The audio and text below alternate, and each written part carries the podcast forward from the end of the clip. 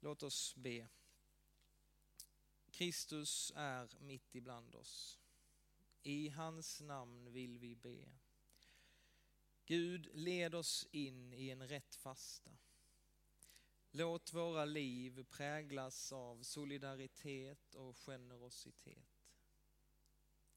Hjälp oss att finna dig i det oglamorösa, i det som ingenting är, i mörkret och övergivenheten, i lidandet och döden. Låt vår fasta föra oss till ett nytänkande kring vår egen livsstil, så att vi delar med dem som ingenting har.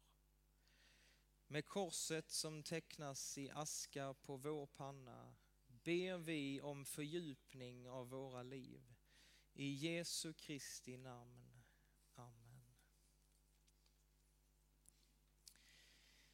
Vi ska läsa dagens texter och ni får gärna följa med på sidan 1350 i psalmböckerna. 1350, där har vi askonsdagen. Och det är första årgången.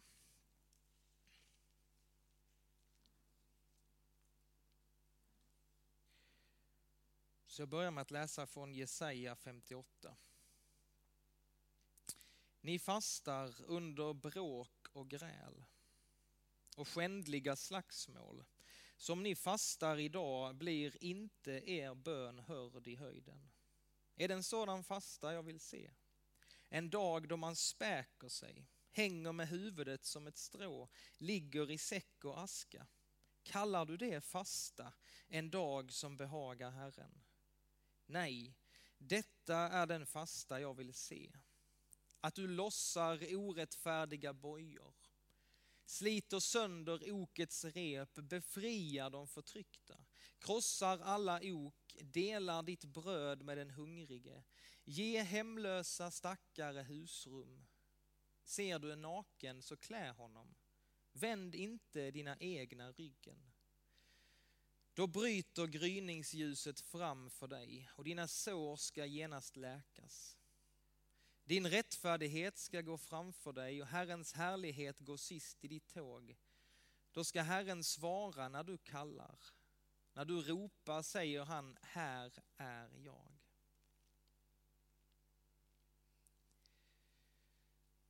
Jag fortsätter läsa ifrån Jakobsbrevet kapitel 2.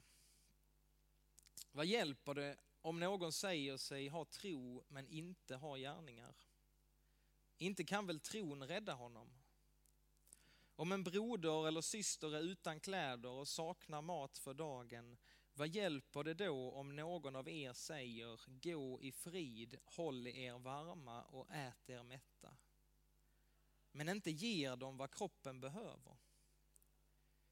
Så är det också med tron. I sig själv utan gärningar är den död.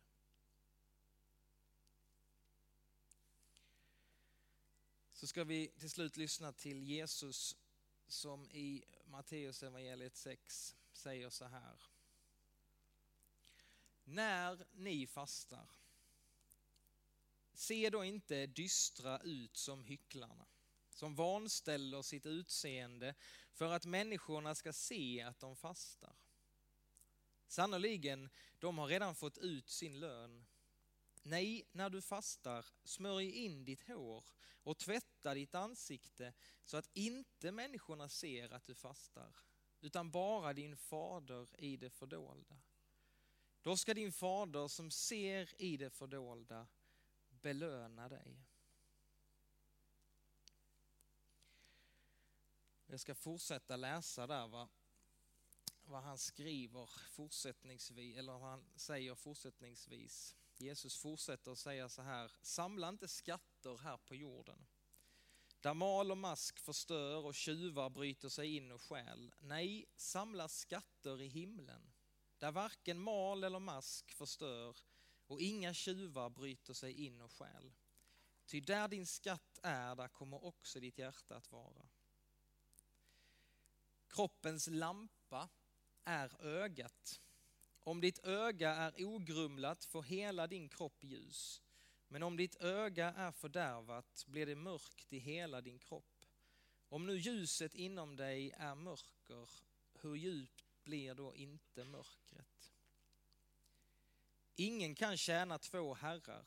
Antingen kommer han att hata den ena och älska den andra, eller att hålla fast vid den ena och inte bry sig om den andra. Ni kan inte tjäna både Gud och mammon.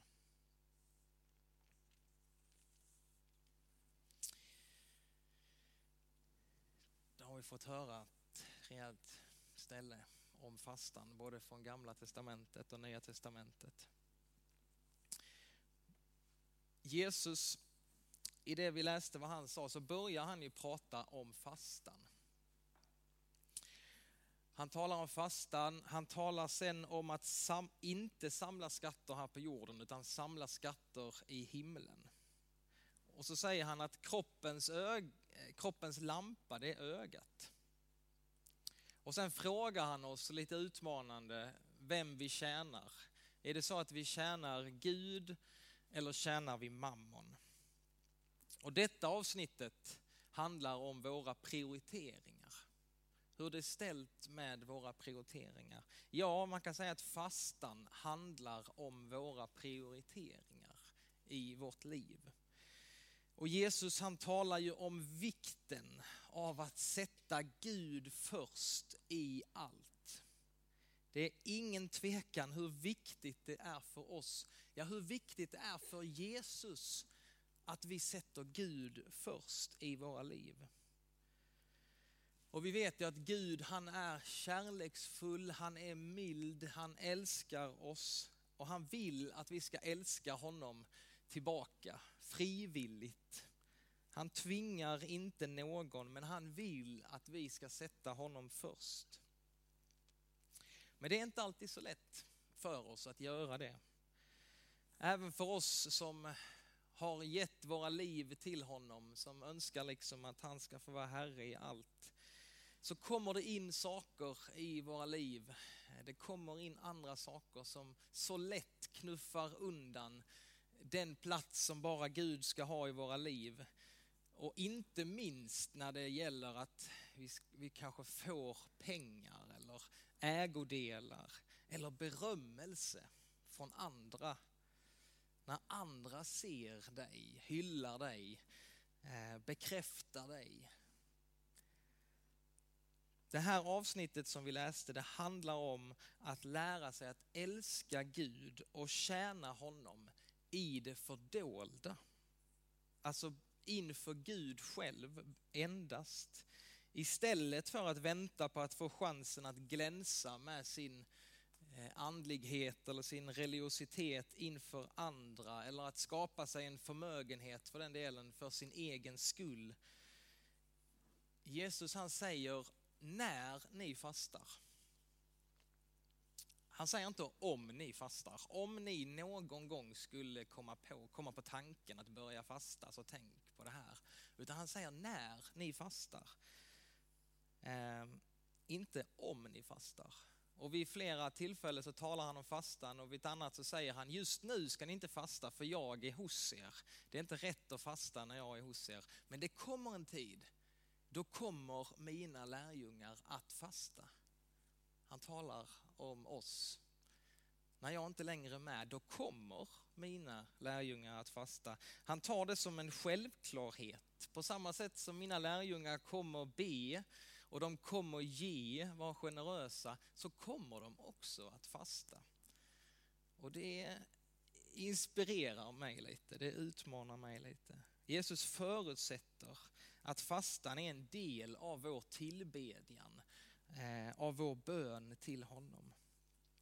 Så han ägnar inte så mycket tid åt att liksom få oss att fasta, utan han, eh, han förutsätter att vi fastar.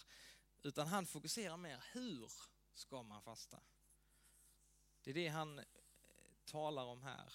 Och det tycks då vara vanligt på Jesu tid att man fastade genom att låta håret växa, skägget och håret blev tovigt och så gned man in sitt ansikte med aska. Eh, och Jesus vänder sig mot detta.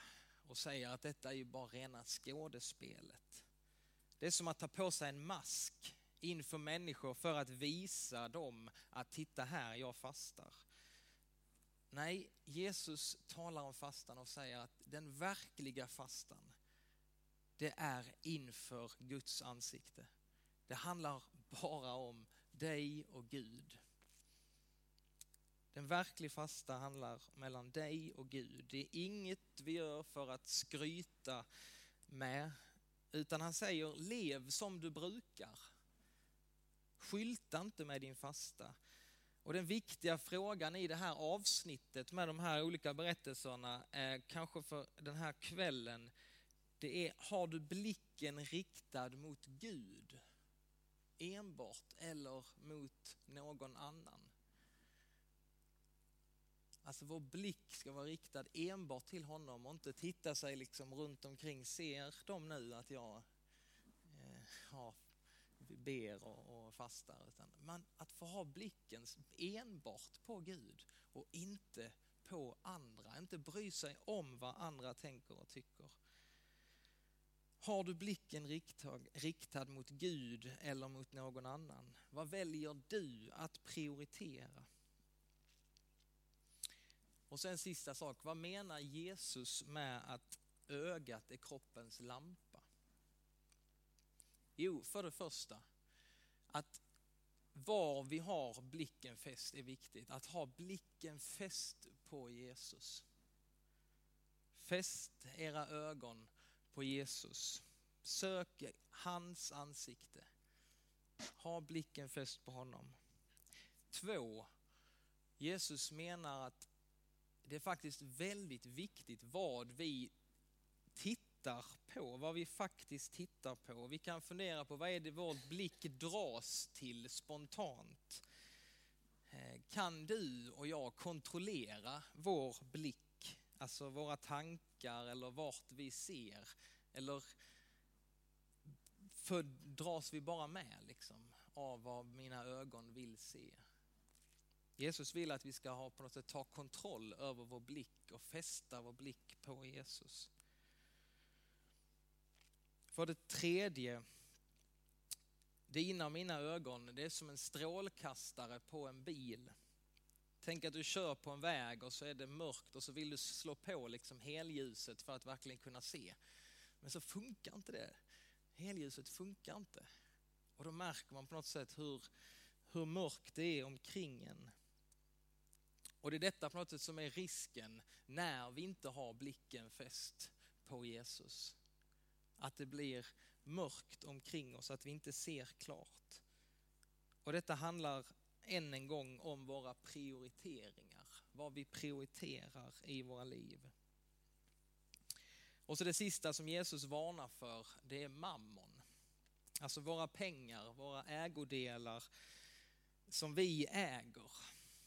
Och han talar ju om risken som vi också känner eh, väldigt tydligt, tror jag. Att vi kan bli så upptagna av de här sakerna, de här prylarna, att de till slut äger oss. Alltså att vi styr inte längre, utan vi styrs av ägodelarna. Vi styrs av pengarna.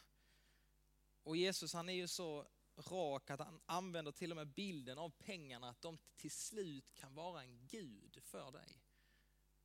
Och han säger, det går inte att tjäna både Gud och mammon. Jesus menar att om vi gör rätt prioriteringar så är det ingen eller inget som styr dig, utan då är det Gud som får styra dig om vi har rätt prioriteringar i livet. Och därför är fastan, den här fastetiden, den är framförallt en gåva till oss. Det är inget krav, det är inga måsten, det är inga borden. Det är framförallt en gåva till oss. Vi kan inte leva lite ransakande varje dag hela året. Men under en viss tid på året så får vi stanna upp och fundera, ransaka, pröva våra liv. Och det är en gåva till oss för att Gud vill göra oss mer fria. Inte mer bundna, utan mer fria när vi följer honom. Och vi kan, se till, vi kan fundera på när tio år har gått. Om du tänker tio år framåt och du ser tillbaka på ditt liv, kommer du vara glad då över att du satte det viktigaste först? Eller kommer du ångra dig att du var halvhjärtad i det som var det viktigaste för dig? I psalm 139 så får vi använda orden som David bad. Ransaka mig Gud och känn mina tankar. Pröva mig och känn min oro. Se om min väg för bort från dig och led mig på den eviga vägen. Amen.